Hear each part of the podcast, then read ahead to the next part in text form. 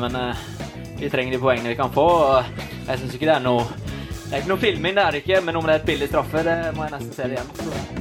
Det er jo ikke noen eliteserien som matcher han som kantspiller, så når han produserer mål i tillegg, så, så er jeg redd han blir for god for Vålerenga. Vetlesen. Oi, oi, oi, oi, oi, oi,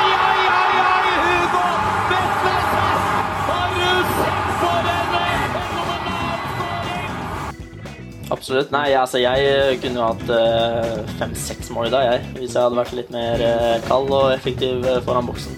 Uh, much you say about it, there's 100% a penalty. You had a dialogue afterwards with uh, the referee. What did the he referee, say? they don't even listen.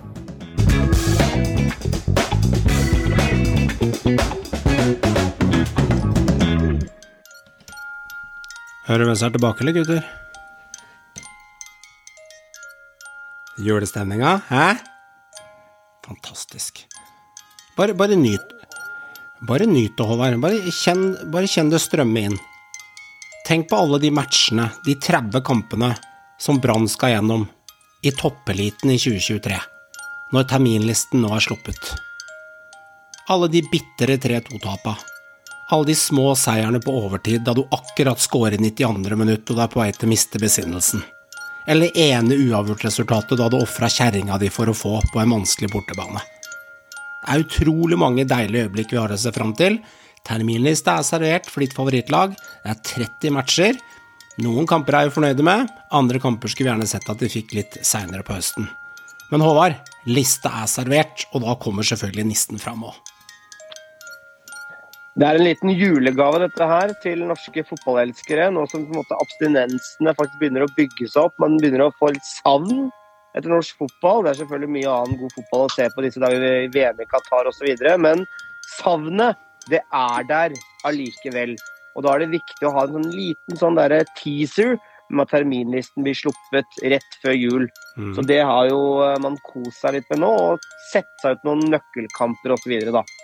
Tror du det er mange Joakim, som har allerede sett på terminlista, som ble sluppet for en halv uke siden, og begynt å se litt på ok, det var vanskelig, det var litt lett, ok, shit, hva fikk vi 16. mai, hvordan ser høsten ut, og hvem skal jeg spille mot de tre siste eliteserierundene? Tror du mange er der, eller er det vi geekene som er der? Det spørs hvordan du ser på det. Jeg tror Hvis du tenker på også våre lyttere, så tror jeg ganske mange har vært inne og eh, kikka på det her. Men hvis du tenker den jevne fotballfan, så tror jeg de ofte er opptatt med mye andre ting akkurat nå. Mm. Uh, og den blir nok litt mer gira når det begynner å nærme seg ja, påske og det begynner å bli litt varmere i været. da, Så begynner de å tenke på at å shit, ja, det var den der eliteserien. Den begynner jo nå. Jeg må jo skaffe meg sesongkort. Mm. Mm. Uh, så jeg tror det varierer litt, men jeg tror mange hardcore fotballfans har nå vært inne og tatt en kikk og sett hvordan starten på 2023 kan bli, da. For det er jo bare synsing. Det er bare. Altså jeg, jeg, følger jo Twitter-sida vår og er mye på Twitter, og det har vært mye snakk om terminlisten mm. eh, på disse, de som bryr seg om norsk fotball. da. Og, og, dette skal vi gå litt i dybden på nå, hvordan ting er, og ikke minst eh, litt sånn forandringer i forhold til årets sesong. Det er jo en del forandringer der som vil påvirke. Ja, det er over 100 dager til eh, terminlista skal egentlig kjøres i gang. Eh, fordi at eh, den slippes jo 130-40 dager før seriestart. Og 10. Eh, april, altså andre påskedag, det er mandag, så starter ballet med RBK Viking klokka halv tre. De åpner faktisk den kampen på Lerkendal, eh, og det er jo en god stund til. Men det er jo lov å geeke litt i forkant da, og, og begynne å se litt på dette her. Og jeg legger merke til én lita endring vi skal ta tak i før vi skal snakke litt om matchene. Og det er at eh, før har det vært mye kritikk, Håvard, mot at eh, man ikke spiller fotball når det er penest vær i Norge. Og noen har skyldt på at det er mesterskap, og det er jo ikke mesterskap hvert eneste år. Og så lenge jeg har husket, så har det vært lite kamper i sommerperioden. Men det er to endringer. Det ene er at mai er ikke pepret full med seks-sju kamper, så spillerne er helt gående når mai er ferdig, og så kommer det en tre ukers pause. Det er 15 eliteserierunder fra mai og til starten av august der, ute august, så er det 15 runder, så halvparten av ligaen er unnagjort i den beste perioden når været er best i Norge. Det er jo ansett som positivt. Ja, det har jo på en måte vært et sånn ankepunkt i mange år. At hvorfor spiller vi ikke fotball når banen er best, og når mm. klima og været stort sett også er best? Riktig. Eh, og det er jo noe som på en måte blir gjort litt om til neste år. Eh, at man da får trolig mye bedre baner. Altså, jeg vil jo håpe at de får en OK sommer, og at eh, det blir mye, mye god fotball og sannsynligvis mye fulle stadioner. Og, og den, den sommerpausen har jo alltid vært altfor lang. Ikke sant? Det, det, er jo, det er jo flere den, den Sesongen blir på en måte dratt ut litt sånn unødvendig, og det er en lang pause midt i sesongen. Det er liksom unødvendig når du er profesjonell fotballspiller, og ikke minst at vi har det klimaet og været vi har her i landet. Da må vi spille mye fotball når, når vær og bane er best. Ja, du kan se det sånn at det, fra 6. mai, Joakim, Mm. da kan vi si at banene begynner å bli ganske ok. Vi må være litt game der, da. Fra 6. mai, som jeg og Håvard er inne på nå, til og med 27. august, så spilles det 15 runder. Ja, altså, det er, altså, det er, jo, altså det, er, det er jo på det er jo på sommeren og våren, sommer og høst da fotball skal spilles. Mm. Uh, I hvert fall her, her til lands, så blir det jo det. Uh, nå skal jo sies at uh, sesongen er jo ikke noe kortere allikevel, fordi siste runde er jo 2. desember. Hvor bl.a. Bodø-Glimt skal ha hjemmekamp. Ja, men Så- kanskje, kanskje det er litt lettere for de som laga som skal ut i Europa, da, at de har tatt det verste kjøret hvis de går til gruppespillet Conference eller, eller Champions eller Europa? Jo da, det er greit. Eh, men eh, det er jo litt sånn Har vi sens oppstart i år da? No. Vi gir meg at det blir tettere på sommeren. Og, eller det spiller kanskje like mange kamper, det er bare at de flytter over hvor kampene spilles på sommeren. At det ikke er så mange i mai som dere er inne på, da, så har en litt kortere pause midt i der. Eh, For det, jeg syns jo egentlig jeg vet ikke, 10. april, men det er vel for så vidt greit. Det Vi er vel lei å starte litt tidlig. Det er vel litt seinere. er det er en er uke, det er en uke, for i, Ja. i år var det 2. april med HamKam Lillestrøm. Mm. Men én uke fra eller til, altså de har klart å trykke inn flere kamper i båndet her, da. Selvfølgelig. Ja, også Det skal vi ta litt senere, hva som på en måte er nytt. Men eh, det er en annen ting også er at det blir jo faktisk dratt ut lenger også, med tanke på selv om det Mm. på en måte ikke er like lang som pause midt i, så drar de den lenger ut med andre ting. Og det har med tanke på Europa osv. å gjøre, ikke sant. Mm. Og Norges også. Og så er det jo disse internasjonale datoene der Norge f.eks. spiller landskamper osv. som som du må ta med inn i regninga her. Og så prøver de jo selvfølgelig forbundet å legge til rette til for de, for de internasjonale kampene. Da tenker jeg på Europa, ikke sant. Men vi er jo ikke ferdig før nesten julen ringes inn. Siste Nei. runde går 2. desember, altså. Så, så den, den strekker sesongen fader meg fra 10. april til 2. desember. Lang, lang, lang sesong. Men det er jo mye som skjer midt inni der. da. Nå skal vi også avvikle cupen Mm. på ett, kal ett Ja. kalenderår. Mm. Ja. Og det har vi ikke gjort på noen år nå, faktisk. Så det er jo på en måte tilbake til gamle, da. Men når det spilles cupfinalen? Er det noen som veit det? For Blir det sånn midt i julestria, eller? Ja, det er julestria. Det er, det er Altså, 20, 22. andre desember neste år.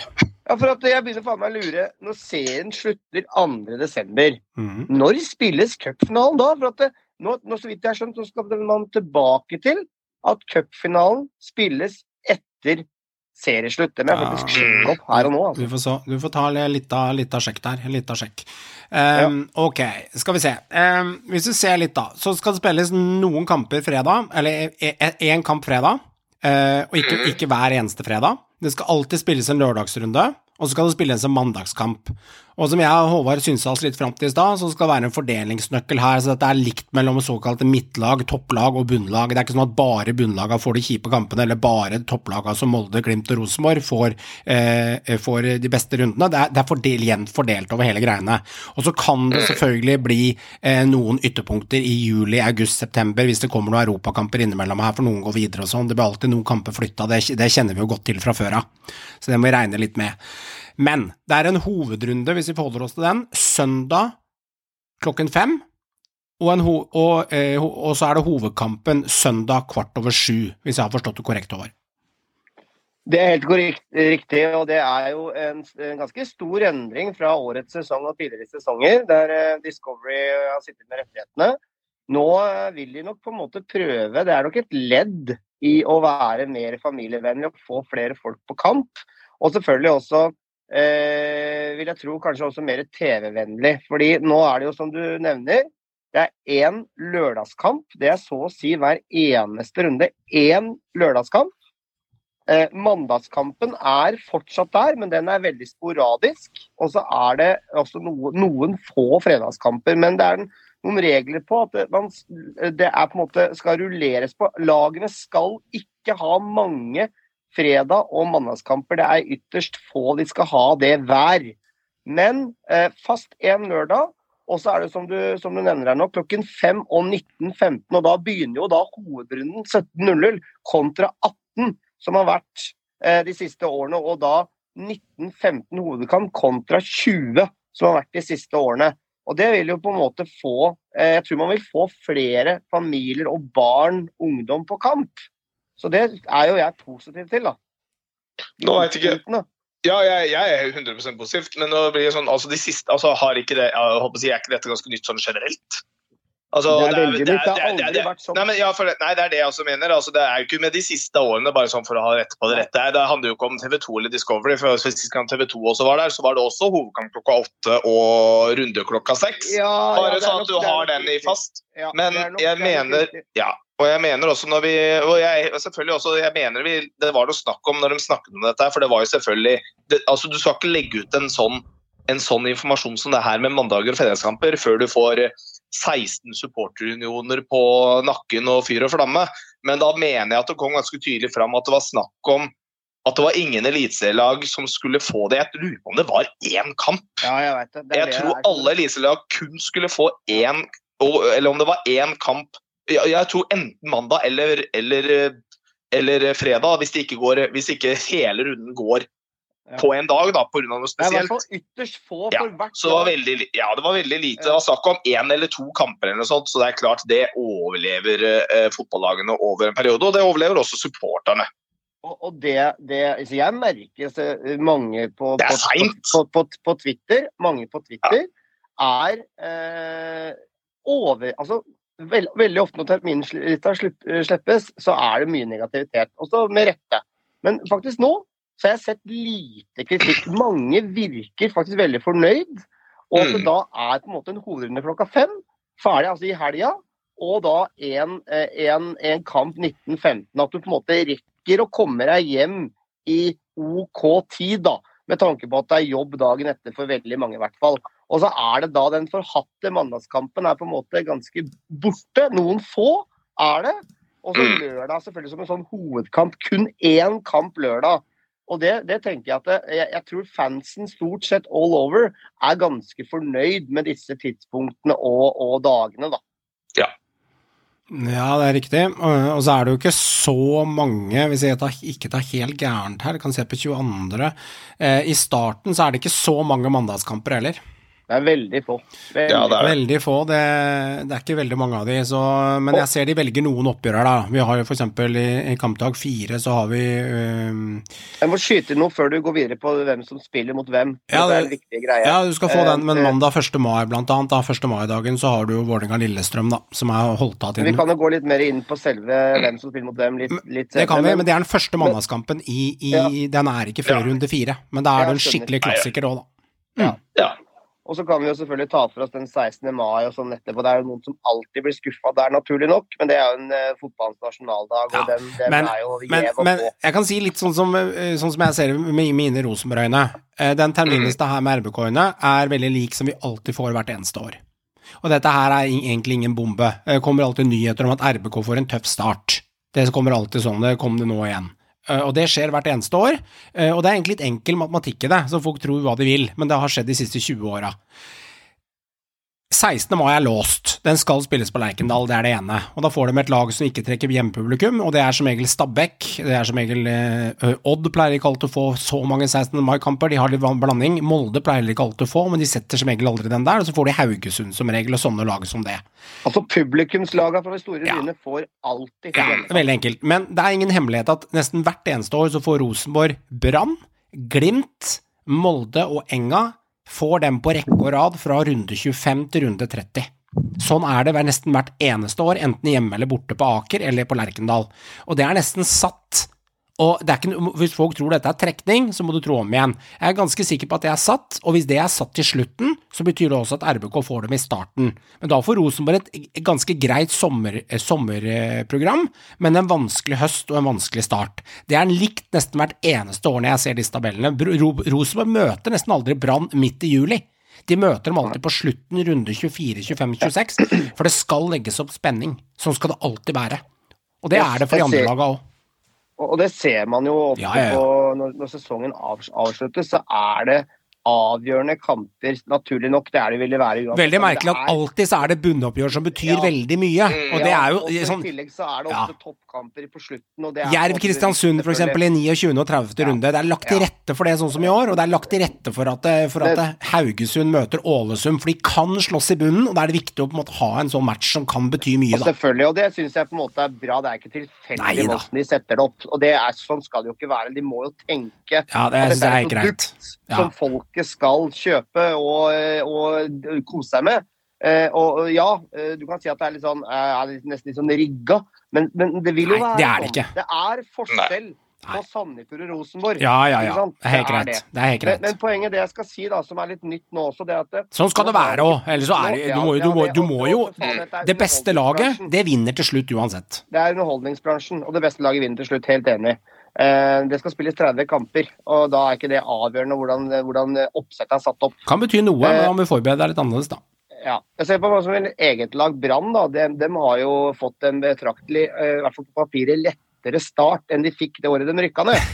Nå er det ikke sånn alle, alle broilerlaga Nå er det TV 2 som har rettighetene, så nå ønsker de at de skal være her. Og, og Brann er tilbake for hovedkampen opptil flere ganger. Akkurat sånn som det skal være. Det er deilig.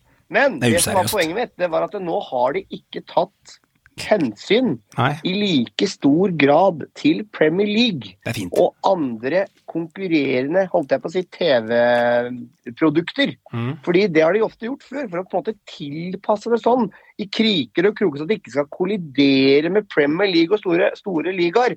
Nå på en måte står det litt sånn støtt, da, TV 2 og selvfølgelig NFF, at nå skal vi på en måte fronte vårt produkt, og så får heller bære bristene til å konkurrere med andre ligaer. Og Det syns jeg på en måte er litt tøft, da, at de på en måte tør å stå i det, og velger da å, å, å starte kampene tidligere.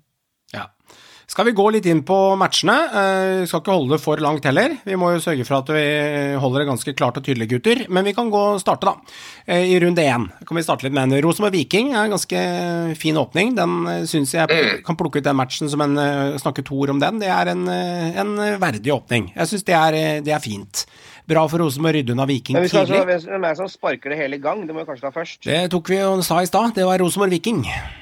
Er det første kamp? Ja. De sparker i gang, ja. De sparker i gang Ah, halv tre. ja, ja, ja, Og Rosenborg pleier nesten aldri å sparke i gang Eliteserien. Og det har vært en liten tradisjon tidligere at laget som rykker opp, ofte sparker i gang Eliteserien. Yes. Eh, det er det ikke, og denne gangen er det Brann som avslutter runde én som opprykkslag, eh, og Stabæk er i vanlig runde. En annen kamp jeg plukker meg ut fra den runden her, som kan være en lita godbit, som er en ganske åpen match i første runde, men jeg faktisk si er Lillestrøm-Godset. Det er ikke det verste Mm. å mø møte på Åråsen i første runde. Laget er, Lillestrøm er ikke i toppshape kanskje første runden, det er greit det, Joakim? Ja, altså, så, så Generelt sett så syns jeg altså, Godset får en fin åpning. Ja, Eh, egentlig De første seks-sju kampene er greit, det er en god miks. Eh, og det for et lag som ligger, altså et lag som Godsa, som på en måte er, du alltid er usikker på hvordan kommer til å gjøre det, mm. så synes jeg da er det greit å få en litt sånn fin miks av lag i begynnelsen, så du ikke starter med liksom fem seier og er i, helt i 100, og så møter du vanskelig motstand, og så taper du ni på rad. Mm. Men mhm. heller ikke det at du liksom går i den ja, brann- brannfella da, og plutselig ikke vinner, ikke vinner på liksom sju-åtte kamper og bare ligge på null poeng når neste lag plutselig ligger på ja, Kristiansund i fjor. da. Og neste lag begynner å nærme seg 9-10. Da begynner det Eller Brann for to år siden, når de Yes, hadde seks tap på rad. Det er alltid tøft. Ja, ja. Så det, det er tøft. Eh, Nei, det er en, det er, jeg synes det er en fin åpningskamp for, for Godset. Du møter et godt fotballag, eh, og, og du vet at det er en sånn kamp hvor du liksom tenker at så lenge vi leverer en god kamp, eh, kanskje skårer et mål og på en måte ikke gjør oss bort, så er liksom starten OK, for den forventes ikke at de skal ta poeng på Åråsen. Mm. Eh, Så det. er jeg veldig fornøyd med den starten. Hva syns du om å avslutte runden, Håvard, hjemme på Brann stadion, eh, kort over sju, eh, mot Haugesund for hovedkampen? Nei, altså For å være helt ærlig, jeg gleder meg nesten allerede. Når jeg så at uh, Brann skulle avslutte første runda med, med hjemmekamp og hovedkamp på Brann Brann stadion, det, det, er akkurat sånn det skal være når vår kjære TV 2 tar over rettighetene. og Det er ingen hemmelighet over at TV 2 favoriserer Brann litt. Ja, det, det, det vet jeg ikke helt om de gjør det nå. For Brann var på en måte da et topplag i sin tid, ofte år etter år. i hvert fall var og kjempa opp i toppen mange og mange år. da.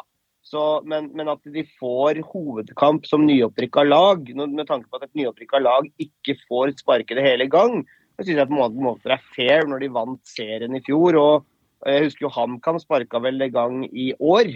Um, eh, og Ja, nå har de snudd den.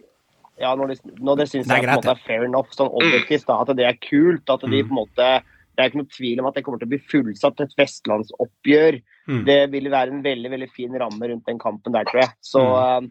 Eh, så Brann eh, Brann, eh, kommer nok jevnt og trutt, uten at jeg har studert alt dette med argusøyne, så får jo Brann en del hovedkamper. Ja. Og det er naturlig, for det er et publikumslag. Ergo de skal selge et produkt og de skal ha mye TV-seere. Det sier seg sjøl, de velger ikke eh, Stabæk da, med all respekt, eller HamKam. Eh, så ofte. Jeg tror, jeg tror TV 2 er mer kyniske på det her Ja. enn kanskje Discovery har vært. Det er noen fordeler og ulemper, og jeg skal ta litt med det. Fordi at Brann øh, Skal vi si sånn, vi er enige om det, gutter, at hvis du får ehm, Hvis du får den kampen på lørdag, og den kampen, lørdagskampen dagen før, og hvis du får kvart over sju-kampen på søndag, så har du Det er hovedkamp. Det, det er to hovedkamper, er vi enige om det? Ja, Enig. Lørdag er en hovedkamp, er vi enige eller uenige? Ja, ja, ja. Ja, det er jo det. Du får jo Det er jo alles øyne. Det er jo kun den kampen. Riktig. Og så er kampen kvart over sju når du går på kvelden, som er kveldskampen. Det er også en hovedkamp, så det er to hovedkamper i hver runde. Vi er enige om det, og så er mandagskampen en sånn dødkamp som noen bryr seg om, ikke andre. Jeg Men det er ikke så mange som egentlig har lyst på, tror jeg. Nei, men hvis du tar Brann, da, så har dere hovedkampen i første kampen. Første runde. Yep. Eh, runde to har dere ikke det. Og så har dere eh, lørdagskampen i kampprogram tre. Dere har også hovedkamp da. I fireren så har dere også hovedkamp igjen. Og i femmeren så har dere hovedkamp igjen, kvart over sju. Og der stopper det. Så dere, i siste første fem rundene så har Brann fire av fem hovedkamper. Ja, altså det er både, både lørdag og søndag sånn sett, da. Eh, Ja, ja, men det er mulig, det er, det er mulig maks Ja. å få eh, Altså, du Ja. kan ikke få mer enn fem av fem Nei. i pott, da. Men for å være helt ærlig, så regna jeg nesten med det. Fordi det er eh, Til og med når de var i Obos, så var de blant publikumsvinnerne i hele Ja. jævla Fotball-Norge. da har jeg et oppfølgingsspørsmål. Er det Jeg skjønner at det er kult produkt, og Brann er bra, og det er en stor by og sånn, det er helt greit, gjerne for meg. Jeg er jo skitglad for at dere har fått hovedkampene. Fordi det betyr, da betyr det sannsynligvis mer folk på de andre stadionene, for Rosenborg min egen del. For det er mindre folk som sitter hjemme og ser hovedmatchen. Fordi at Ja. de, de må på stadionet. Det er, kan være en negativ faktor for billettinntekter også, hvis du får for mange av de. Ja, det er mulig. Det er mulig. Jeg har ikke tenkt sånn. eh, Men det som kanskje er litt sånn overraskende for meg, det er jo at den runde nummer tre der, da, Brann-Vålerenga, det er plutselig ikke det er, det er lørdagskamp igjen. Det er hovedkamp. Det er hovedkamp. Ja, hovedkamp. Stemmer. Stemmer. Ja. Nei, altså, jeg, jeg, Og så har dere Glimt uka etter, det er også hovedkamp. Det, men det mener jeg objektivt òg, faktisk. At det er naturlig at de store lagene får mye av den kaka. Eh. Det, og det var litt mitt poeng. Også, jeg ville, det har jo noe med faktisk laget Brann møter, lagene Ja. som møtes Ja. i de runde. Altså, Ja. Mhm. Når du ser på resten av runden, hvis du ser på runde fire og runde tre, mm. så ja, kjapt gjennom her, så er det vel eh, Lillestrøm-Molde er jo den andre hovedkampen, og det er ok. Mm. Og så er det Vålerenga-Lillestrøm som Nei, det er ikke det. er Odd Rosenborg som har den andre her. Ellers så er det jo ingen andre kamper som egentlig Ja, det er Vålerenga-Lillestrøm da i den runde fire. Kanskje litt rart at de putta den på en mandag. Det syns jeg Jeg- kanskje er litt jeg- sånn merkverdig plassering av et jeg sånt syns oppgjør. jo generelt, uten at jeg som sagt har pugga hele, hele oppsettet, så syns jeg at de her på TV 2 nå er litt mer sånn kyniske med å velge de store laga, publikumslaga, enn hva Discovery gjorde. For da kan du plutselig Ja da. bare få HamKam, Jerv Ja da, du kunne få det. Sånn. Ja. Ja. Men husk på, de hadde eh, også et sånn slagord da, med fotball til folket, så de var litt opptatt kanskje av eh, De valgte en annen rytme, men hva veit jeg? Ja. Nei, Nei, men, eh, jeg, så, jeg, bare, jeg må skyte inn en kjapp ting, for jeg så det jo nå. Selvfølgelig hvorfor Vålerenga-Lillestrøm går på mandagen der. Det er jo 1. mai. Ja, ja. Så det er jo en fridag, så det er jo en festdag for folk å gå og se på fotballkamp. Det Så jeg, jeg trekker det tilbake igjen. Det er en veldig god plassering av den kampen, faktisk. Ja, Det er Men hvis du ser på etterrunde fem for Brann, så har de ikke hovedkamp på, på fire-fem runder etter det, for da, det er veldig mye tøffe lag de møter i starten. Så um, ok, la oss Det, se. er- det, er nok, det er nok ganske jevnt fordelt, skjønner du, blant de store laga, tror jeg. på mange Ja, måter. da, ja, da, det er helt greit for meg. Jeg vil ikke ha hovedkamp så mange av dem. Haugesund og, Haugesund og HamKam og Sandefjord de får ikke store, like stor del av kaka. Nei, sånn men det er helt greit. Det er greit, det. Er greit. Det er litt mer engelsk modell over det som du gjør i Premier League. Altså Brighton sin senser vel ikke hovedkamp eh, uke etter uke i England heller. Ikke, de gjør ikke det, vet du. Det sier jo seg sjøl. Dette er jo tross alt en pengebinge. Ja da, jeg skjønner det. Og et produkt som skal selges. Skjønner det må vi jo nesten bare regne med. Ja da. Eh, men når vi får ta litt 16. mai, da. Det er interessant. Ja, vi kommer dit. Jeg tenkte jeg skulle ta et par uh, snacksoppgjør i runde to der. Eh, Ja. eh, det, du har noen parkjedelige der, da. Sandefjord-Tromsø og eh, Haugesund-HamKam. Ingen publikumsfavoritter i runde to. Men Herregud, det, det, det må jo være sånn. Det er jo Ja, ikke bare ja. publikumsfavoritter i hele ligaen vår. Nei, ja, det, det er helt greit, jeg bare nevnte det. Eh, men da har du Molde og Rosenborg, da. Rosenborg skal til Aker i runde to. Eh, for meg deilig. Jeg digger å få de kampene der tidlig. Rosenborg har elendig statistikk på Aker, det har de hvert eneste år. De klarer aldri å levere spesielt godt der. Men eh, jeg syns det er digg å kvitte seg med de matchene tidlig. For det, Molde, er, Molde er ikke i toppform. Eh, eh, 16. april. Det er ikke Rosenborg heller, men det er bedre å få dem da enn å få dem 8. august, rett før de skal ut i Europa. Så det er en tanke jeg har, så jeg gleder meg veldig til den, at jeg får unnagjort det, liksom. Det er fint. Ja, så er det litt For en objektiv supporter så er det jo en litt fin kamp i en god en miks av kanskje litt mer ja, litt halvdøve oppgjør, da. Ja, ja, ja. Altså, så, når du sa Glimt-Stabæk, f.eks., så er jo det mest interessante er hvor mange mål skårer Glimt, eh, med all respekt til Meran. Eh, Men for, og for all del, for, men for Stabæk sin del sannsynligvis perfekt tidspunkt å få Glimt. Altså Ja, ja. Bare unnagjør Glimt bort til andre runde, og så er du ferdig med det. Og hvem veit om Glimt kommer på en bananskall ikke er i form, og så blir det 1-1? Det kan skje, det kan skje. Og det kan ofte skje i starten av sesongen. nok også. Men det som er litt sånn, eh, som er litt sånn for og imot, da, det er jo mange som mener at av de store kampene de skal komme på en måte litt utover i sesongen. Det er når på en måte ting har satt seg, banen er bedre osv. Men hvert eneste år så ser vi jo nettopp det her. At det er mye storoppgjør i starten av sesongen for å på en måte kickstarte sesongen. Mm, Men jeg syns på en måte det er helt fair ja, at de gjør det sånn også. mm, Selv om da banen ikke er på sitt beste, i hvert fall de som, ikke har, de som er gressmatter. da. mm, Men, men, eh, men det er jo på en måte bare å regne med at det er sånn også. mm. Jeg skjønner det jo. Ja da. Ja, Runde tre, da er det hovedkampen. Det er to hovedkamper. Vi snakka litt om de to. Eh, Brann Enga rulles i gang den 22. der. Og så har du Lillestrøm-Molde. Lillestrøm Molde. Det er de to store sukkerbitene det er den perfekt, eh, perfekte Resten, overkamper også der. resten er litt sånn jævlig jevne, litt med jævlig jevne matcher, med kanskje sånn som Sarpsborg-Odd, veldig jevnt, Stabæk-Haugesund, veldig jevnt, Tromsø-Viking, veldig jevnt. Men Brann-Enga, Håvard, det Ja, altså kampprogrammet til Brann er er ikke plankekjøring de første fire-fem her. Nei, men Som nyopprykka lag så skal jo ingenting være plankekjøring. Men, eh, men det er jo en kamp som eh, Faktisk et par dager etter bursdagen min der. Da jeg fylte nettopp 40-gutta. eh, Et par dager etter der. Så da håper jeg kan feire med en, en seier på hjemmebane på Grand stadion mot Vålerenga. Mm, ja. Mm. Da går vi og ser på Lillestrøm. Altså, Lillestrøm, Joakim, dere starter mot Godset. Den eh, bør det være halvveis favoritt i. Eh, vanskelig første kamp på, det er ikke enkelt. Og så får Lillestrøm i runde to Viking borte. Det blir ikke så veldig mye bedre i runde tre, for da har de Molde hjemme.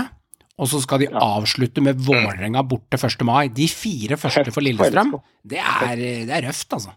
Ja, altså, ja, jeg prøvde å lete litt gjennom her, og egentlig, det er liksom to lag som jeg syns har stilt seg ut, da, og Lillestrøm er ett av dem. Eh, Det er to av lag som jeg på en måte føler liksom har gått litt ut altså, Jeg vil si Brann, litt som var inne på, Brann eh, har ikke et kjempelett, men det er litt med nyopprykka og det at det egentlig er greit å få dit, så jeg tar litt Brann litt utafor. Men Mm. det er to lag jeg har sett her som jeg ser at kanskje får Jeg vil si sånn rent nå, veldig subjektivt, kanskje har et litt verre program enn de andre, og Lillestrøm er uten tvil en av dem. Og det blir ikke så mye bedre etter de fire rundene heller.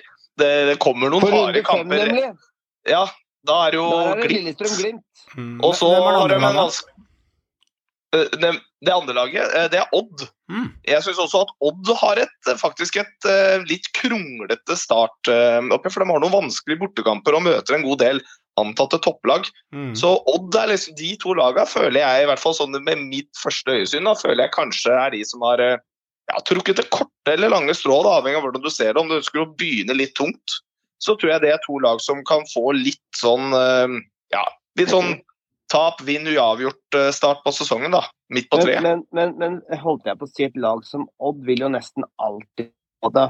Altså, med all respekt, det er ikke noe topplag. Nei, nei, men vi snakker om at de, vi snakker om at de også altså det, de møter liksom eh, Rosenborg bortekamp mot Sarpsborg, og så møter de jo ja, Lillestrøm. Ja, men de har Stabæk òg, da, så det er ikke med Jo, men, ja, og, men det er ikke lett kamp å starte med. Nei, Altså, det nei, er det som men er hele hvor mye lettere kan det bli, da? jo Men Nei, jo, jo, men det er det som er poenget. Nei, nei. Jeg hadde mye heller Og dette, dette sa vi i fjor òg. Dette er jo, altså, vi er jo noe vi har vært igjennom før ganske ofte, mener jeg. Jeg ville mye heller begynt med Sandefjord, HamKam, Ålesund, Ja. Enga, eh, Tromsø, Haugesund enn å begynne med Brann eller Stabæk første Ja. runde. Eller Men, andre runde. Ok, men før runde seks har kommet, er du med? Mm. Så har Rosenborg, eh, eh, Molde og Glimt borte, i tillegg til Vålerenga. Hvor mye lettere er det, da? Nei, men Rosenborg er topplag. Ja, okay, ok, er men de er møter, jo, de møter jo den største Jo, jo. biffen i ligaen. da. Jo, jo, men det er greit, men poenget er at når du er topp altså Jeg ser ikke på uh, altså Greit, Lillestrøm kan være der, men det er liksom Rosenborg, Molde, Glimt er de tre som liksom skal ligge på de tre øverste plassene når sesongen er ferdig. Og de tre lagene gir jeg ikke den samme jeg gir ikke de den samme på en måte slacken på De får mer, de får ikke den samme slacken på motstanderen som de andre gjør. Fordi de skal i prinsippet ta poeng fra alle de andre lagene egentlig og slite med hverandre. Det er jo det som er hele hovedpoenget med de tre laga. Eh, Så ja, det er ikke lett for Rosenborg, men eh, når du begynner med sånn nå, så skal du jo si at Glimt skal jo også gjennom ganske mange lag etter hvert. Da begynner vi plutselig å, å, å, begynner Ja. vi plutselig å snakke om alle lagene. Ikke sant? Så det er jo på en måte sånn Det er jo heller Det er selvfølgelig kamper som er på papiret lette. i Selvfølgelig. Men det er jo sånn at faktisk Jerv kan også ta poeng fra Molde. Det gjorde de jo faktisk i, Mm. i år. På Aker til og med. Så, så, så, øh, men selvfølgelig, det berømte papiret er det på en måte først og fremst se på. da. Og, og det er ikke noe tvil om at det skal være forskjell på f.eks. Sandefjord og, og Det skal det. Lillestrøm. det, skal det. Så, så, Ja. eh, men så for Brann sin del syns jeg det er egentlig helt greit. Altså, det her Ja. starter med Haugesund. Haugesund hjemme, Odd borte, Vålerenga hjemme plutselig. Og så er det, altså, er det en hard bortekamp mot Glimt, selvfølgelig borte der, runde fire.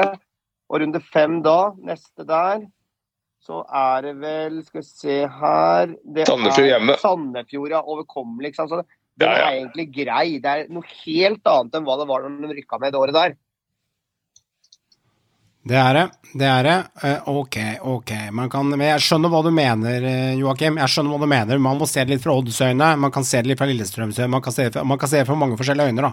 Det er eh, Ja. Jeg syns sånn all over at oppsettet, syns jeg. Og jeg er, må si at jeg er positiv til klokka 17 og 19.15, selv om huet må på en er måte til, tilvenne seg til nye tidspunkter.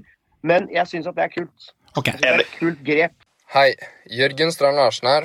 Du hører nå på podkasten Synseligaen. Ønsker du å få med deg all sladder, synsingen og om profilen i Eliteserien? Abonner på Synseligaen der du hører din podkast. Vi snakkes.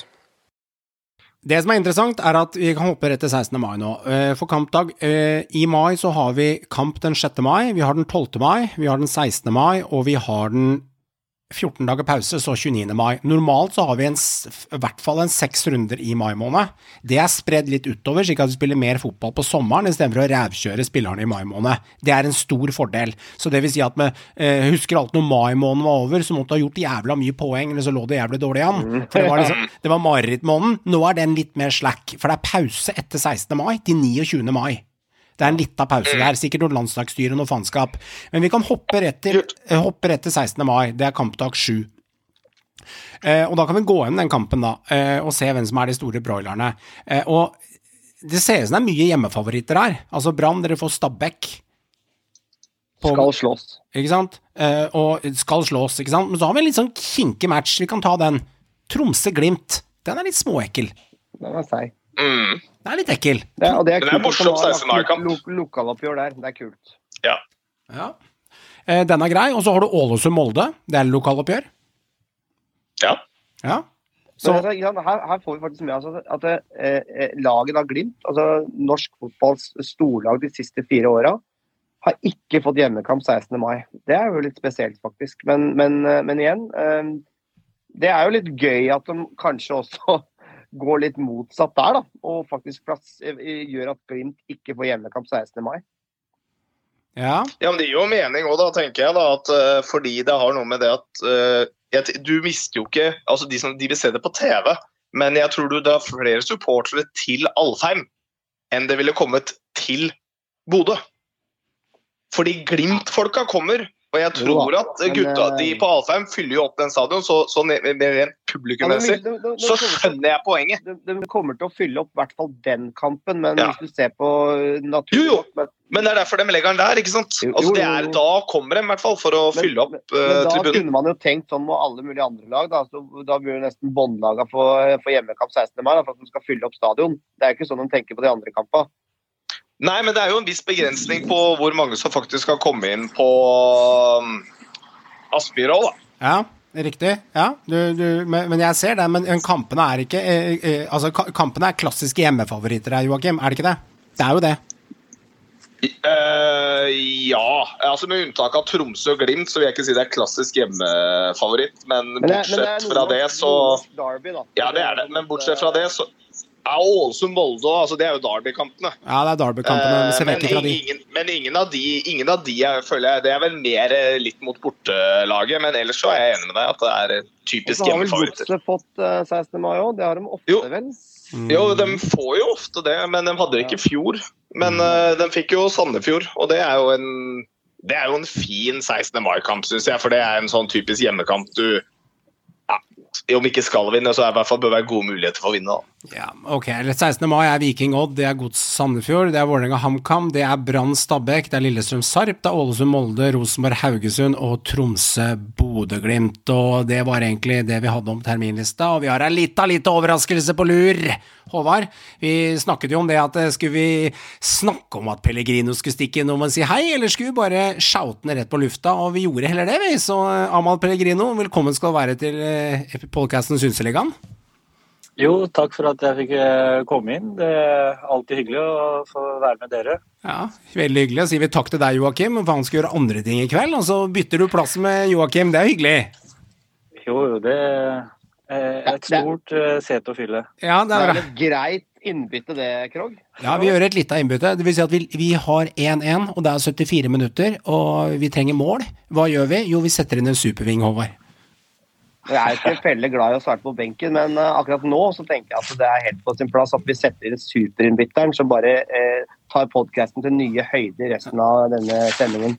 Ja, det er koselig. Eh, hatt en fin, fin førjulsfeiring. Du har vel eh, satt, eh, satt høyre eller venstrehånda di på et, eh, på et gyllent lite gult papir i nord for noen dager siden nå, stemmer ikke det?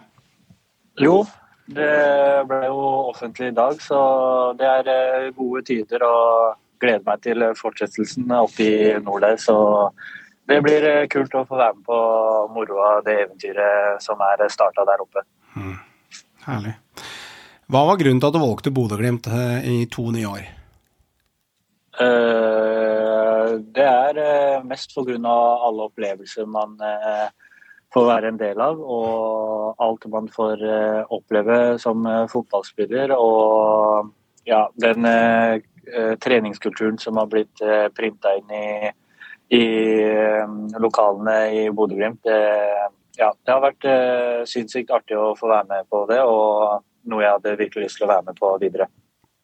Så Vi som eh, elsker norsk fotball, vi er veldig glad for at vi får beholde en profil, og jeg vil jo kalle deg synsligavenn i ligaen vår videre. Det er jo herlig, og en, og en drammenser ikke minst, som er en stor profil, og årets toppskårer. Men det var jo mange som så at du var på besøk i Cluj i Romania, Pelle. Også, hvor nære var det å dra dit?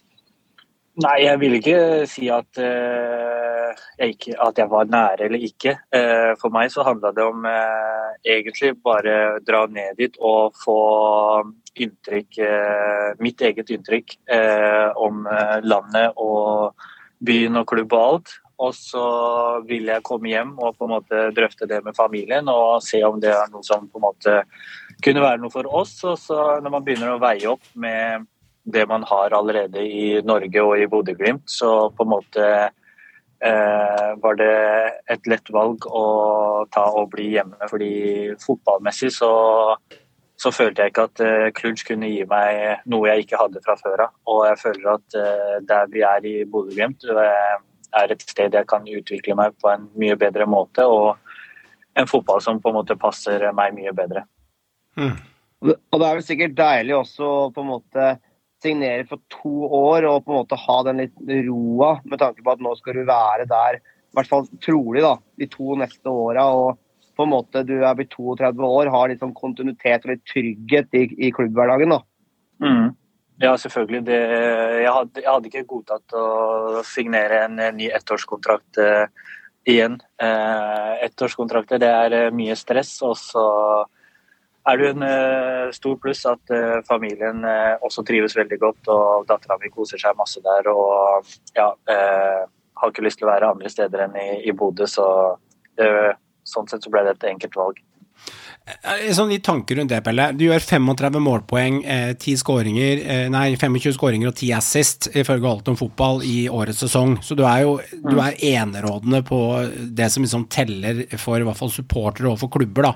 Spillere som kan skape målpoeng. Eh, vi kan snakke om at det, eh, du skal være en del av en gruppe, du skal spille, du skal passe inn i gruppa, være en ambassadør for det. Ja, ja, ja, jada, jada, jada Men når du ser tilbake x antall år i tid, så er, er jo eh, fans veldig opptatt av hvem skårer måla, hva leverer du på banen, og hvor viktig er du de avgjørende øyeblikkene. Du har jo feite med alle tre. Eh, så, så vi, vi, kjenner jo på at det hadde bare ikke vært 32, Pelle, vært 24 nå. Ja, men uh, Jeg må pirke borti det. Uh, jo, selvfølgelig. Uh, du skjønner hva jeg mener? Er, ja, selvfølgelig, men jeg har, gått, jeg har, gått, den litt lange veien for å bli, mm. for å bli fotballspiller. Og det er, det er, ingenting jeg hadde gjort annerledes, uh, føler jeg. Fordi jeg føler at jeg, jeg har alltid gjort uh, hva jeg kan. Jeg har alltid trent masse. Og jeg har kanskje ikke hatt den flaksa som mange andre har hatt. Uh, jeg ble jo avskrevet i min egen hjemby for mange mange år siden når jeg var juniorspiller, om at jeg ikke hadde holdningene. Jeg var, ikke, jeg var altfor lett og alt det der. Så det, det har vært en lang vei, men jeg føler at jeg kunne lagt opp den dagen i dag og vært veldig fornøyd med hva jeg har oppnådd den dag til nå. Mm. Det er jo også herlig da, å vise liksom, for hele Fotball-Norge og for så vidt nesten verden at det, er på en måte aldri for seint å lykkes. Eh, selv om du altså Du hadde jo selvfølgelig levert bra i Mjøndalen, og, og liksom du, du, var jo ikke, du, var jo ikke, var jo ikke ille i godset eller på noen måte sånn Men altså, det er på en måte tatt av for deg etter at du nesten ble 30, eller i hvert fall opp mot 30 år. Det er da du på en måte pika, og det er jo på en måte ikke eh, hva skal jeg si, vanlig da, at du på en måte storhetstida di nesten fra 30 år og oppover. For det var jo ca. der det begynte å løsne skikkelig for deg. Mm. Uh, ja, jeg skulle, jeg skulle, fått eh, barn mye tidligere. Uh, det, er etter, det er etter jeg fikk barn uh, fotballkarrieren virkelig tok av. Så jeg tror jeg fikk et helt, et, et helt annet syn til fotballen etter at jeg ble pappa. Fotballen ble ikke like seriøs som den alltid har vært. Den har, den har liksom aldri plagd meg like mye som når jeg taper en kortbaneøkt på trening og irritert meg til neste dag, eller taper en fotballkamp, så har det irritert meg til neste match. Nå er det taper, er irritert, kommer inn i leiligheten og ser uh, smilet til dattera mi, så er uh, liksom hele verden uh, ja, bak meg, på en måte. Tror du det har gjort deg bedre? Ja, det, det vil jeg si. Ja. Det er på en måte, Selvfølgelig, jeg elsker fotballen like mye, men fotballen er ikke det viktigste for meg den dagen i dag. Uh, det, det, er andre ting som er viktigere, men uh, selvfølgelig så fortsatt elsker jeg jobben min uh, uh, like mye. Men den jeg, jeg, tenker ikke like mye på fotball sånn som jeg gjorde før, tida, før i tida. Mm, mm. Men det er interessant å bare, for, bare liksom snakke bare kjapt om den godsetida. Det som jeg synes jeg husker fra den tida, Pelle, at du, du, hadde jo selvfølgelig kamper der du var veldig god der, og du hadde jo herja for Mjøndalen.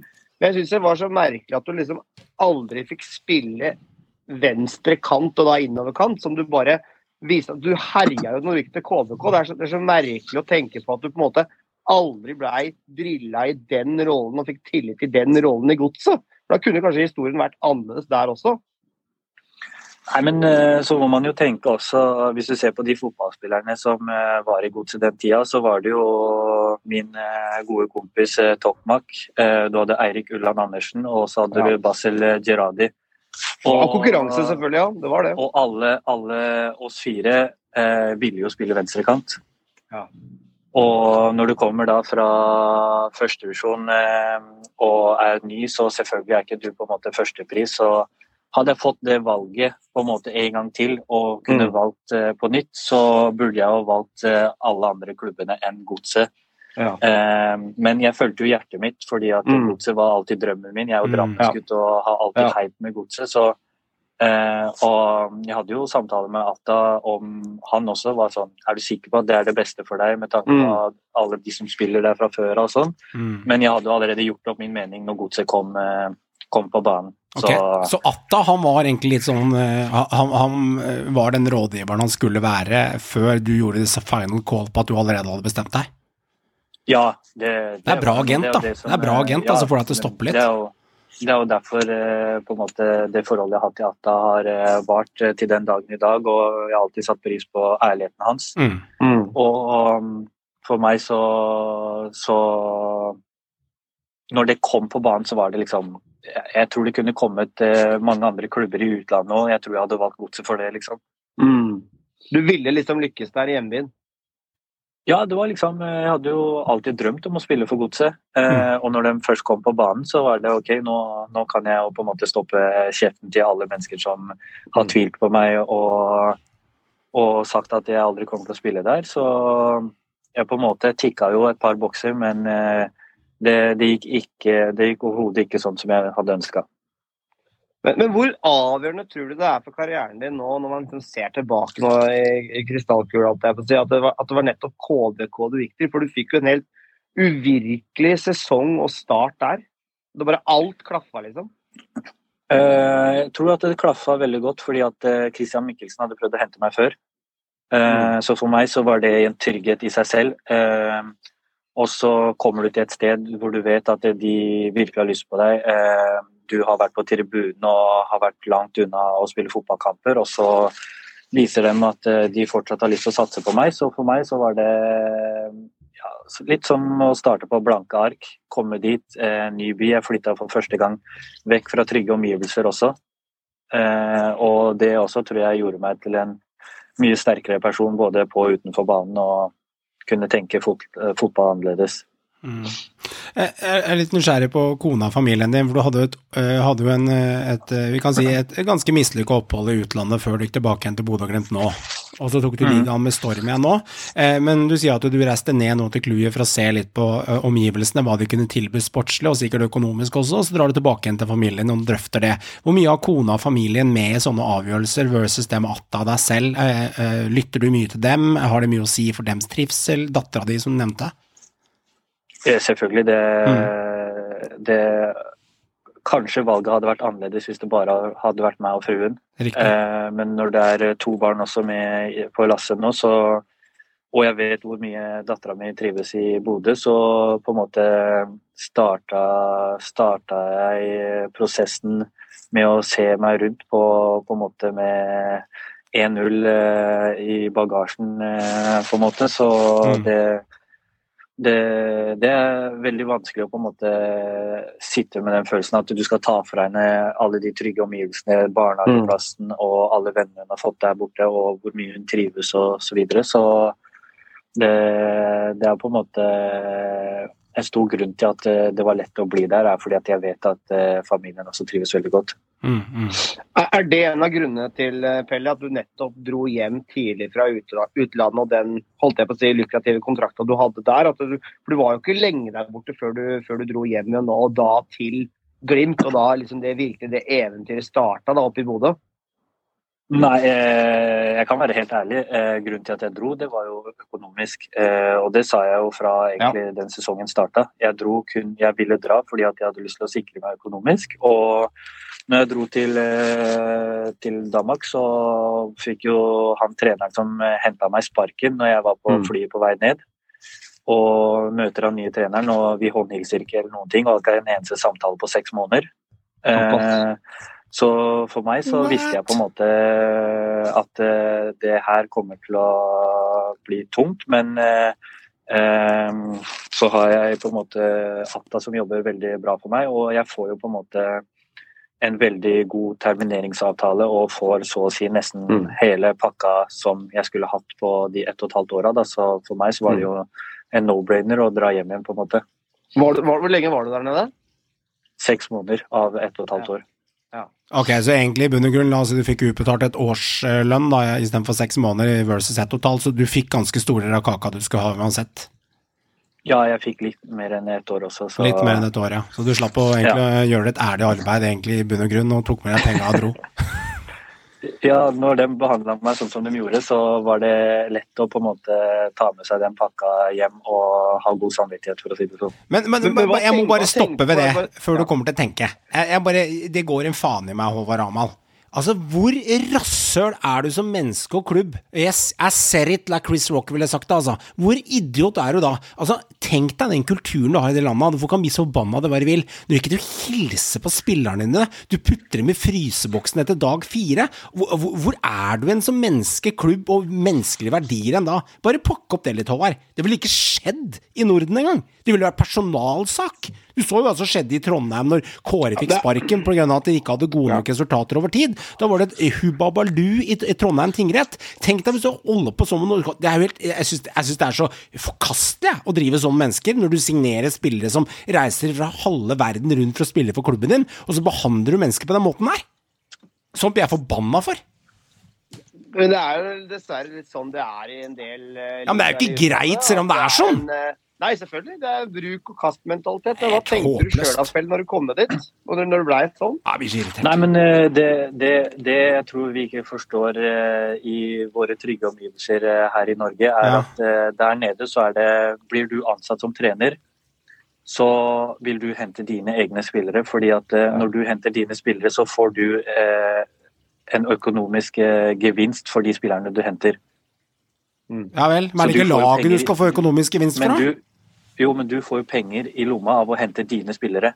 Ah, ja, Så siden jeg ble henta av han andre treneren, så ble han furt fordi at han ikke fikk bruke kvota på sin egen spiller. Ah, Ok, ja, okay. Så jeg tapte jo det fordi at eh, jeg ikke var hans spiller, da, hvis du skjønner hva jeg mener. Jeg skjønner, men det høres jo men ut det som Det høres jo veldig jalla ut. Ja, ja, men det er så, sånn det er i de stedene der. Og det er jo mye mer kynisk i utlandet enn det det er i, i Norge. Det, det her hadde jo aldri skjedd i Norge. Men var det noen andre hyggelige spillere på lager i lunsjen? Det lurer jeg på. Ja, ja, vi, vi, hadde, vi hadde det helt fantastisk, vi. Utenom fotballen. Så vi bodde jo på internasjonal kamp med, med naboene våre. Så var jo begge argentinerne og en kroater fra laget som eh, begge, alle tre hadde barn. Og okay. vi hang sammen hver eneste dag og hadde barbecue-kvelder. Oh, okay. Så jeg har fortsatt eh, mange fine samtaler med dem til den dagen i dag. Og de syns også treneren var like rasshøl som det du syns? Ja, ja, ja. Nei, ikke sant? Der ser du. Ingen ja, likte treneren. jo- Men, men du rakk jo å putte noen eh, gode, fine kasser i, eh, der nede også, da, før du stakk. Det gjorde du, jeg så jo det. Ja, når, du fikk, jeg- når du fikk spille. Ja, så ja. Det, det jeg, jeg ser jo på en måte tilbake til tida og på en måte fikk eh, hvert fall noe ut av det. Og det jeg fikk ut av det, var jo økonomi som på en måte var førstepri hele Mm. veien. Så ble ikke fotballen sånn som jeg hadde håpa. På, et spørsmål om det landet der. Altså, dette var Saudi-Arabia, ikke sant? Mm. Eh, Hvilken brus og godterityper og sånn? Ikke at jeg bare lurer. Jeg, bare lurer. Hva er det de selger mest av der på butikken? Ikke at du drikker så mye brus og godteri, du. Hva er det du så på butikken når du var ute og handla, liksom? Hva er det de har der? Jeg, jeg spør dumt, jeg. Eh, Har de cola, liksom? godt Spørsmål. Ja, ja, ja, ja, de har, Altså, de har er du født bak en stein? De det er har jo alt. meg uh, sjeikeland, da. Det er jo, Du? De har jo varer der òg. Du, nå skal jeg stille deg et spørsmål, Håvard. Det er ikke om å gjøre å skjelle ut meg for at jeg stiller et spørsmål som ingen andre tør å spørre, som jeg tør å spørre. Nei, er- er. Husker du læreren i sjette klasse sa det er ingen dumme spørsmål? Jeg var han guttungen som spør det spørsmålet, så du holder du bare kjeft, ikke mobb meg. Ingen dumme spørsmål. Ja, men eh, solgte de vanlige varer som selger i Vesten? Jeg lurer faktisk objektivt, eller er det helt andre sære varer som ikke vi har sett her i Norge i det hele tatt?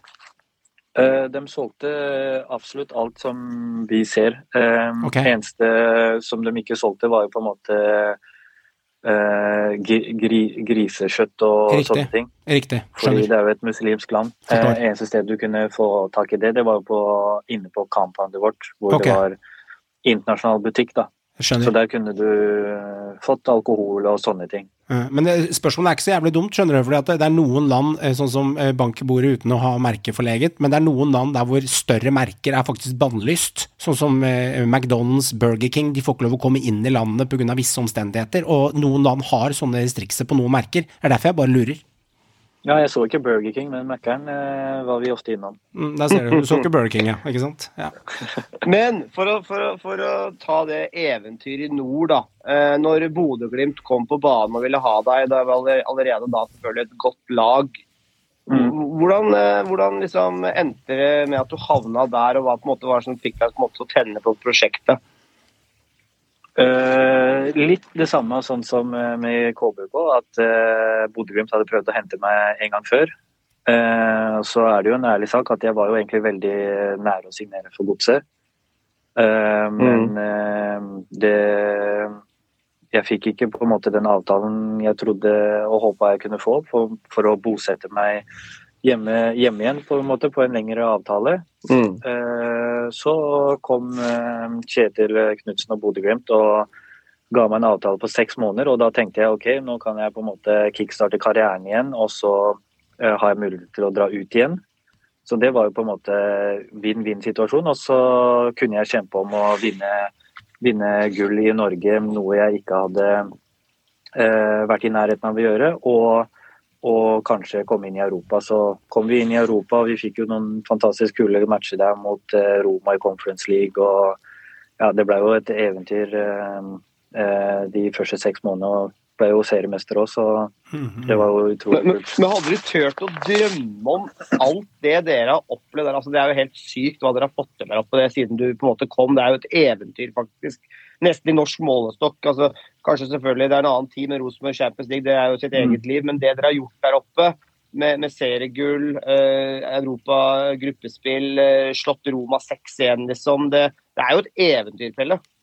Nei, jeg hadde jo aldri drømt om det i det hele tatt. Eh, når eh, klubben eh, snakka med meg og sa at de hadde ambisjoner om å komme inn i et Europa-gruppespill, så tenkte jeg ja, eh, gøy å få være med på de kvalikkampene, men jeg tror ikke vi kommer til å klare det, liksom.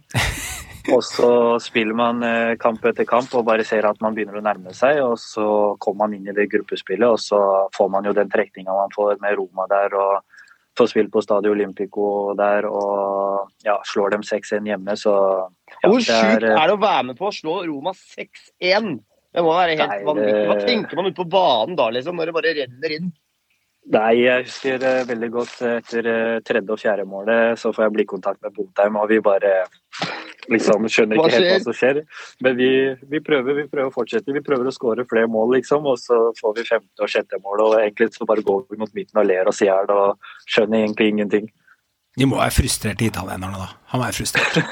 Da, er- da hjelper det ikke å kaste seg Mourinho var til ikke jævlig fet på sida der da. Nei, det var Det det gjør vondt. Det gjør vondt. Men litt om Bodø-Glimt-sesongen eh, eh, i ligaen og sånne ting. Dere er jo ikke oppe og tukter eh, Molde på dette gullet.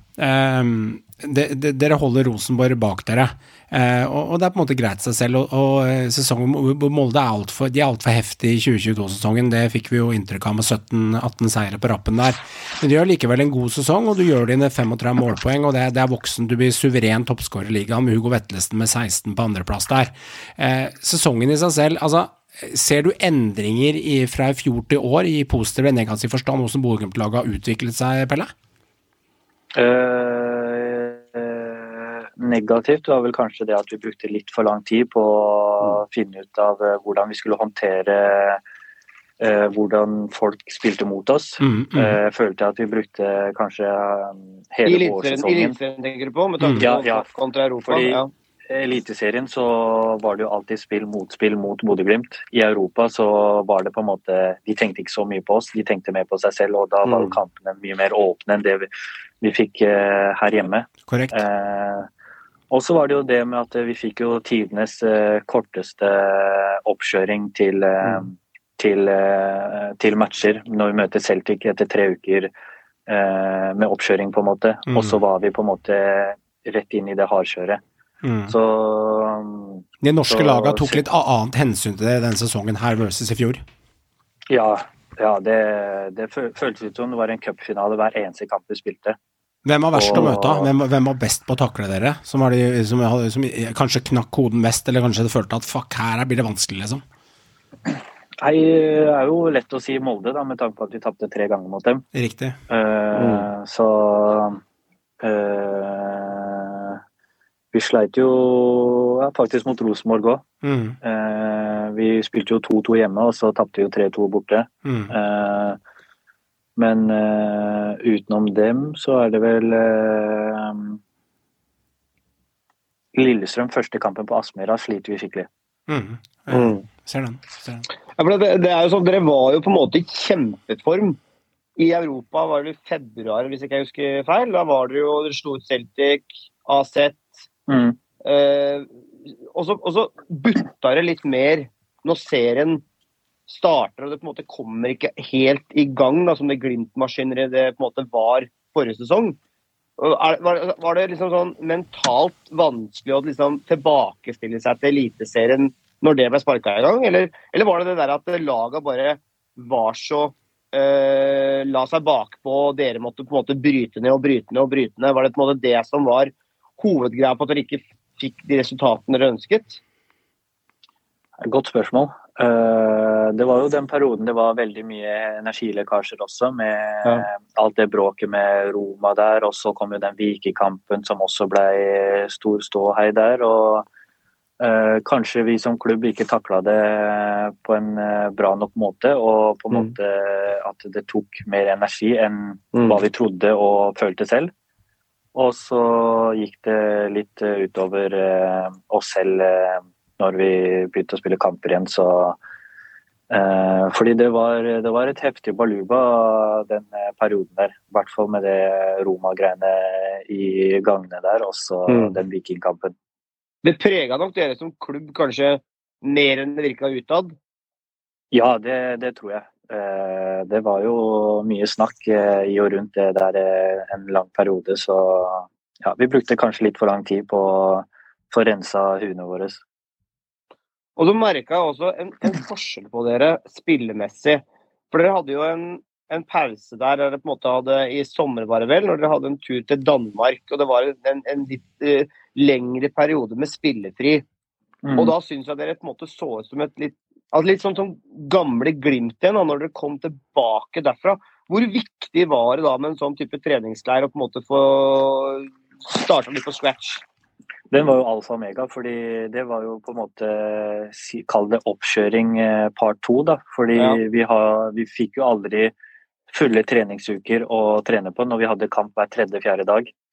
Eh, alle de andre lagene spilte jo hver søndag Mm. og på en måte fikk jo hele oppkjøringa og kunne trene på det man skal trene på før sesongen starter.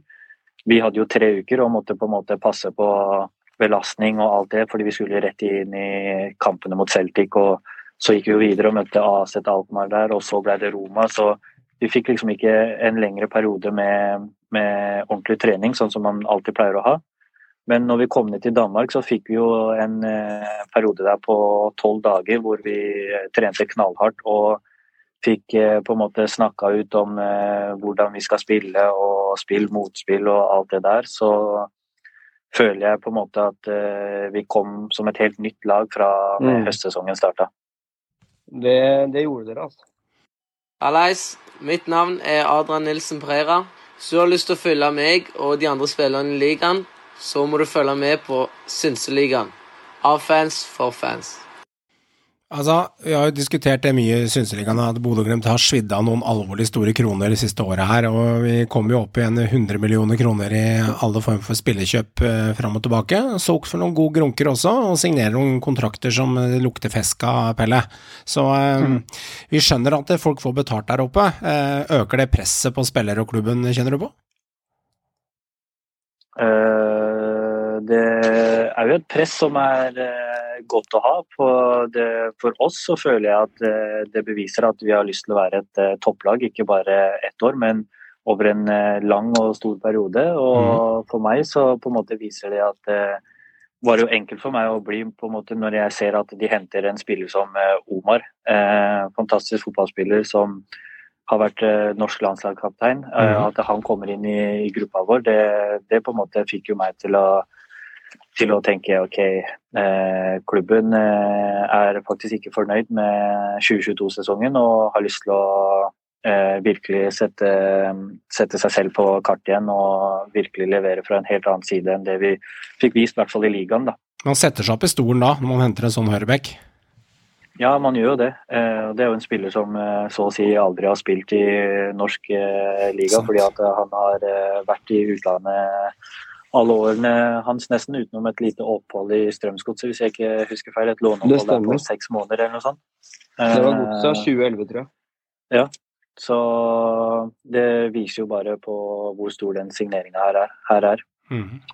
Så det betyr at eh, både du og klubben, det, det, det er gull som gjelder i 2023, med andre ord. Eh, Jeg har ikke hatt den samtalen ennå, men jeg håper jo det. Eh, Selvfølgelig er det det. Han sier seg sjøl. Hvis du spør meg, så, så selvfølgelig. Jeg har lyst til å være med og ta gull fra starten av. Eh, Jeg Mm. føler jo det gullet jeg fikk med Bodø-Glimt er sånn halvveis eh, halvveisgull, fordi jeg ikke var med helt fra starten. Så, Men du hadde mye å si der, da. Den sesongen og høsten du gjorde der, var vanvittig. Jo, men eh, det føles fortsatt ikke helt 100% så Og nå skal, jeg ta, skal jeg ta den kniven, Håvard. Og skal jeg, eh, skal jeg gjøre deg litt forlegen som en kompis. Jeg skal ikke spille på at jeg er høyere enn deg. Jeg skal ikke dra det trikset. Men jeg skal, jeg skal ta en annen en som jeg skal få gjøre deg litt forlegen. Hør nå. Hadde det vært for at du hadde gjort som meg på Fantasy i 2022 Oi, la oss ikke ta Ja, den. ba, men, ba, Litt øyeblikk, bare litt øyeblikk. Bare la den ligge litt, grann, og så bare kjenner vi på, kjenner vi på nissen litt. Grann. Hør lyden. Det er lyden av Pelle som forsvant ut i, runde, i serierunde åtte på Fantasy for deg, og så brukte hun ikke resten av året. Hadde du hatt han, så hadde du slått meg på Fantasy. Men jeg gjorde som man skal gjøre. Du putter på målmaskinen, og så lar du det bare humpe og gå, og så sier du ikke noe mer. Det er, eh, jeg bare, bare å Hører du det, Pelle? Hatten? Det er flaut. Bøye seg i hatten, som Heidi Wenger ville sagt. Ja. Det det er eh, hva, hva, er det som, eh, hva er det som skjedde i serierunde åtte, egentlig? Er det der jeg ble skada? Nei, det er et eksempel. Håvard han, han hadde deg i en fem, seks, sju runder, og så bare tok han deg Ja, ut av. Fantasy. Og så tenkte han det smarte trikset. Jeg skal spare noen kroner, for Pelle er så jævlig dyr på Fantasy. Han koster 12,2 millioner, og det er en grunn til at den koster det. Og så tar jeg han, og så skal jeg putte på andre spillere. Så Håvard, blei det, det for mye overtenking på å diffe på andre spillere, men du fortsatte jo faen meg å score hele tida, så det var jo eh, det var jævlig dumt, da. det var årets første julekniv. Jeg så Jul i Blåfjell, vet du, sesong to, så jeg putte litt kniver i noe nå. Det er viktig, det. Nei, det var Det er viktig bra. å stikke, stikke, stikke et par ganger. Jeg stakk den i såret, over. Jeg gjorde det. Sorry, Ja, altså, men jeg måtte, jeg det måtte er helt bare. greit. Jeg, jeg har snakka mye om det, hvor mye jeg angrer på at jeg ikke hadde Pelle på Fantasy, så det, sånn er det bare. Ja, sånn er det bare. Eh, Pelle, spiller du fantasy sjøl, eller, du- eller blir det litt sånn at du sjekker litt i ny og ne nå? Veit du at det er med i Synseligaens fantasy, men eh, vi får Ja, sjekke laget. eh, jeg vet ikke, tror jeg er på side åtte der eller et eller annet. Jeg, Ja, ja. Så jeg, jeg setter opp laget, eh, er aktiv de tre første rundene, og så glemmer jeg de neste 16 rundene. Og så når jeg sjekker, så er jo halve laget mitt solgt, og, og folk, folk spiller jo ikke i det hele tatt. Så jeg skjønner. eh, jeg er for dårlig til å, til å holde, holde det gående, altså. Ja, det kuleste er at du er med, da. ser du mye fotball sånn på fritida? Er det noe lag, Hva er favorittlaget ditt? Eller er det sånn at du ikke har tid til å se så mye fotball? Nei, nei, nei, jeg er fotballnerd. Jeg ser på tre skjermer, tre skjermer samtidig og følger med på alt som går an å følge med på. Jeg har jo masse kompiser som spiller i mange forskjellige land og, Mm. og, og alt det der, så jeg ser uh, veldig mye spansk fotball. uh, følger Barcelona, men uh, så liker jeg å se på Ferencvaros med Tottenham. og OI har jo vært i Røde Stjerne og i Brønnby, og jeg prøver å følge de gutta som jeg på en måte har spilt med, så Mm. det er mye forskjellig. Åssen går det med Tokmakken nå? Har han det bra? Jo, jo, Tokmak eh, herjer jo der nede og ja, har jo vunnet eh, ligaen fire år på rad. Så det er jo et eventyr for han der nede. Så det er eh, en veldig kul klubb å følge. Og ja, fantastisk stadion med sinnssyke supportere. Ikke sant. Ja, er såpass. Det er såpass. Han, han, er, han, han gjør jo bra. Altså, han er jo, har jo vært Og Sakariassen er jo samme klubb, han gjør det bra nå. Ja, ja, ja, ja. bra, bra. Heftig, heftig. Eh, julegaver til unga. Hva, skal, det, skal det avsløres i Synseligaen? For de hører ikke på episoden her. Hva har, hva har du på tapeten? Til ungene? Ja, til kidsa. Hva, har, du- har du planlagt noe? Eh, nei, ikke enda. Nei? Eh, vi prøver jo å tenke litt eh, på andre, da, ikke bare oss selv. Okay. Så Frelsesarmeen i Drammen har jo et fint opplegg hvor du kan Mm, gå og plukke, plukke fra et juletre der. Eh, så det, det var Vi hadde med vår lille datter som plukka sju-åtte navn der og dro innom en butikk og kjøpte de gavene som sto der og ga det videre til Frelsesarmeen. Så det er litt viktigere enn at uh, unga skal få absolutt alt og ingenting. Wow. Så koselig. Ja, det der er til etterfølgelse. Eh, stjerne, vi har, vi har noe å lære, Håvard. Jeg har sett sånne Jeg har sett at på kjøpesentrene så er det sånne binger du kan kjøpe også, så kan du kaste de opp i sånne binger, slik at det, det går ofte til Kirkens Bymisjon eller de ofte som trenger det. Det er, det er veldig bra tiltak rundt omkring. Det har blitt mer og mer i de siste årene av det her, altså. Mm. Så kan man jo følge Mats Hansen på Instagram, eh, den innsamlinga han starta opp for eh, Rett fram-opplevelser også. Så det er veldig mange bra tiltak. Og Mats Hansen sin innsamling har jo vært eh, helt enorm, så der er det jo bare å kaste seg på hvis man har, eh, har noen kroner eh, ekstra. Men bare spørsmål, Pelle. Når det gjelder Du faktisk ble årets toppskårer. Hvor viktig var det for deg? Selvfølgelig, det, det er jo en barndomsdrøm, skal ikke, skal ikke lyve. Eh, så å stå igjen med den pokalen etter å ha på en måte vært veldig nærme mange ganger, så var det jo spesielt. Eh, og så var det veldig kult å på en måte få den på, på hjemmebane, som eh, jeg sier, fordi jeg er jo herfra og hadde jo masse kompiser og familie som eh, var på stadion. Og ja, det var ekstra stort. Jeg må si det, når du får den, den utmerkelsen og, den, og han fra er vel Åskollen, hvis jeg ikke tar feil, han som deler den Ja. Leifen, Det var, ja. det var et meget sterkt uh, TV-øyeblikk. Da så jeg at du var rørt, og det tror jeg veldig mange andre blei òg. Ja, jeg ble jo tatt eh, veldig på senga der. Jeg så jo aldri den komme der. Eh, først så trodde jeg han bare skulle komme for å, for å hilse og gi meg en klem. Og så skjønte jeg jo ikke hvorfor han bare sto der. Og jeg tenkte jo, jeg vil jo ikke være frekk og si at han må gå vekk, liksom. så, og så plutselig drar han opp den boksen med pokalen, og da begynte jeg å skjønne det. Også når han holder den talen. og ja, Han har jo fulgt meg fra jeg var liten. Det var jo min første A-lagstrener, så han vet jo på en måte denne harde og Mm. tøffe veien jeg har gått. Så ja, det var eh, det var, eh, det var tøft, men samtidig veldig fint også. For da kommer vi litt inn på eh, boka 'Fotballproff mot alle odds'. Mm. Det er eh, frøken Bråten, Karianne Bråten, som har skrevet den boka, som handler om deg, Pellegrino. Riktig.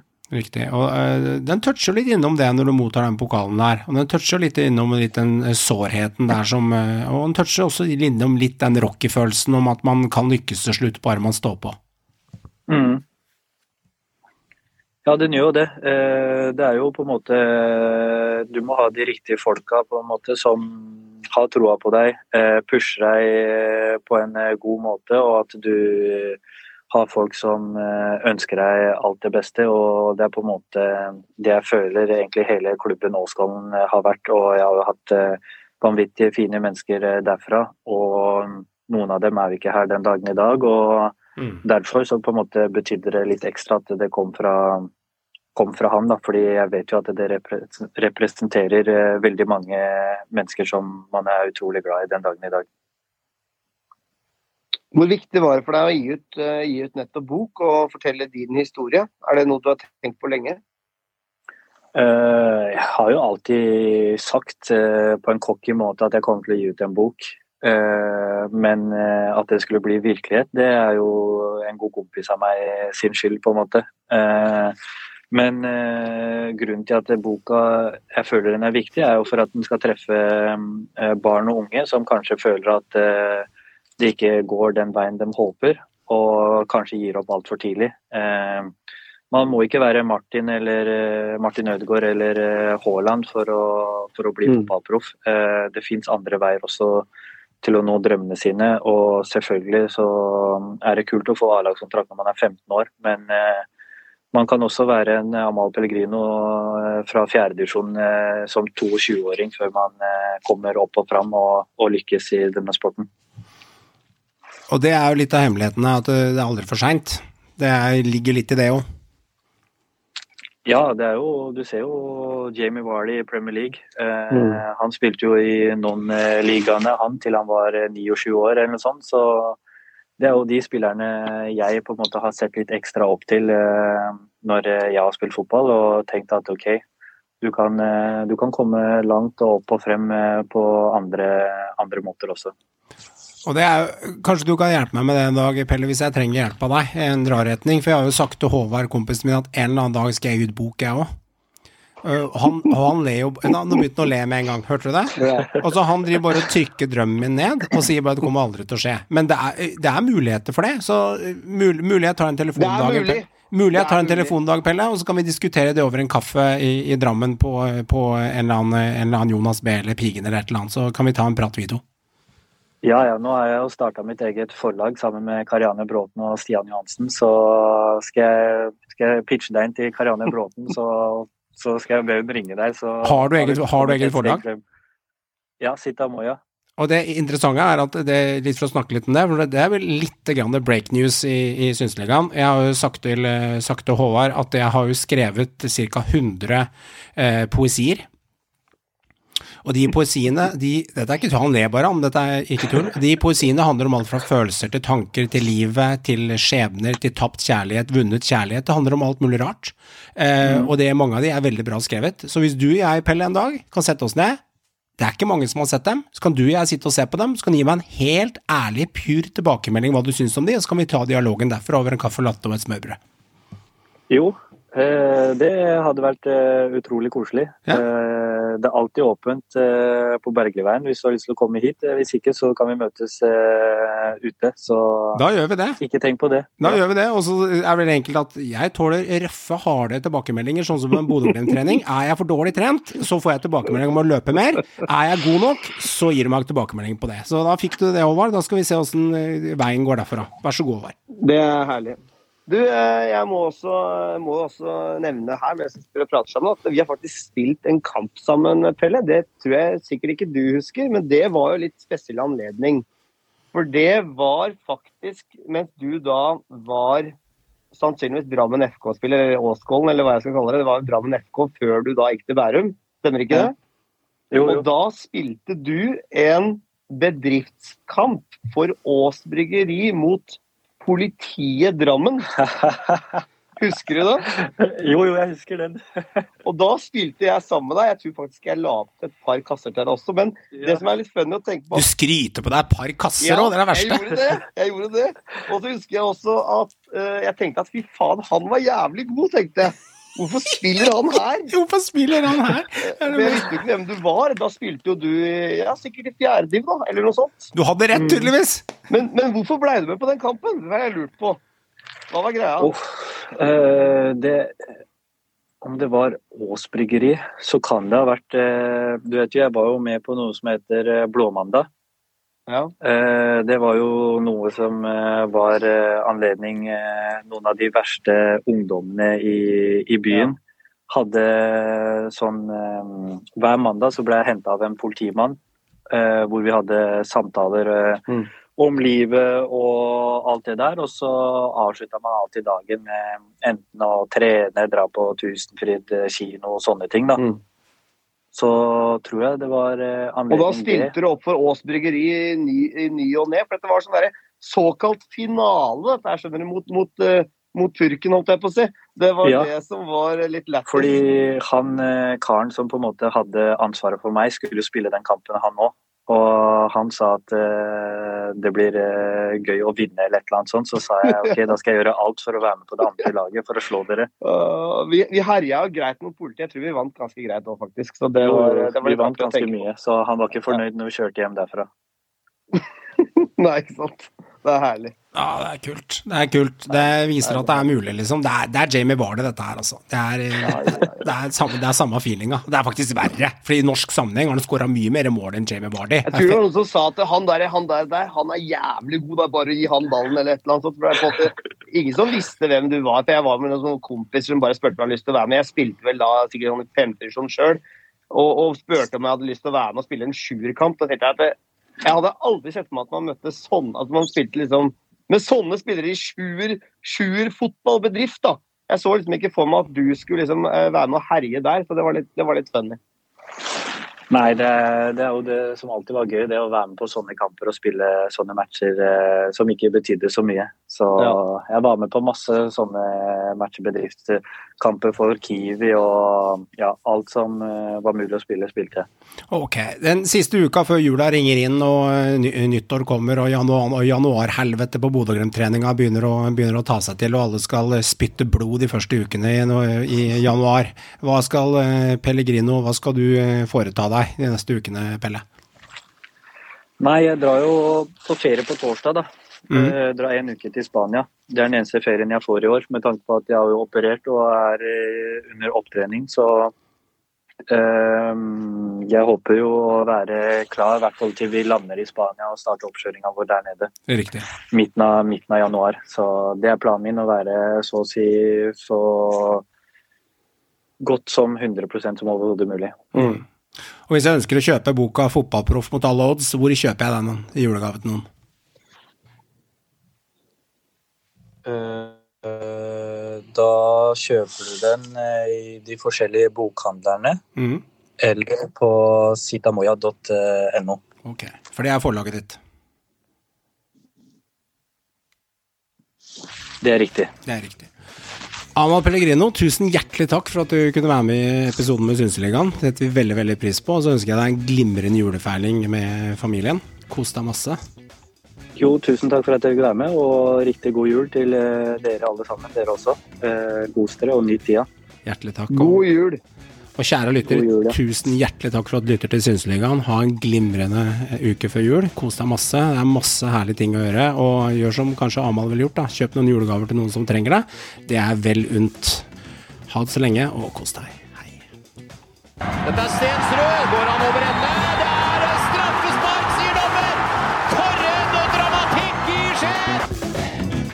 Tar vi bort känslan från fotboll då, då, då, kan vi lika, då, kan, då kan vi alla gå hem liksom. Det, det syns jag. Og så prøver man å skyte fra langt hold. Den der, da! For en helt sinnssyk skåring av Kristoffer Ødemarksbakken! Det ene slaget på trynet etter det andre, men allikevel så har vi, vi har troa. Vi har fremdeles troa. Vi skal være seige vi hele, hele veien ut. Her er Tengstedt!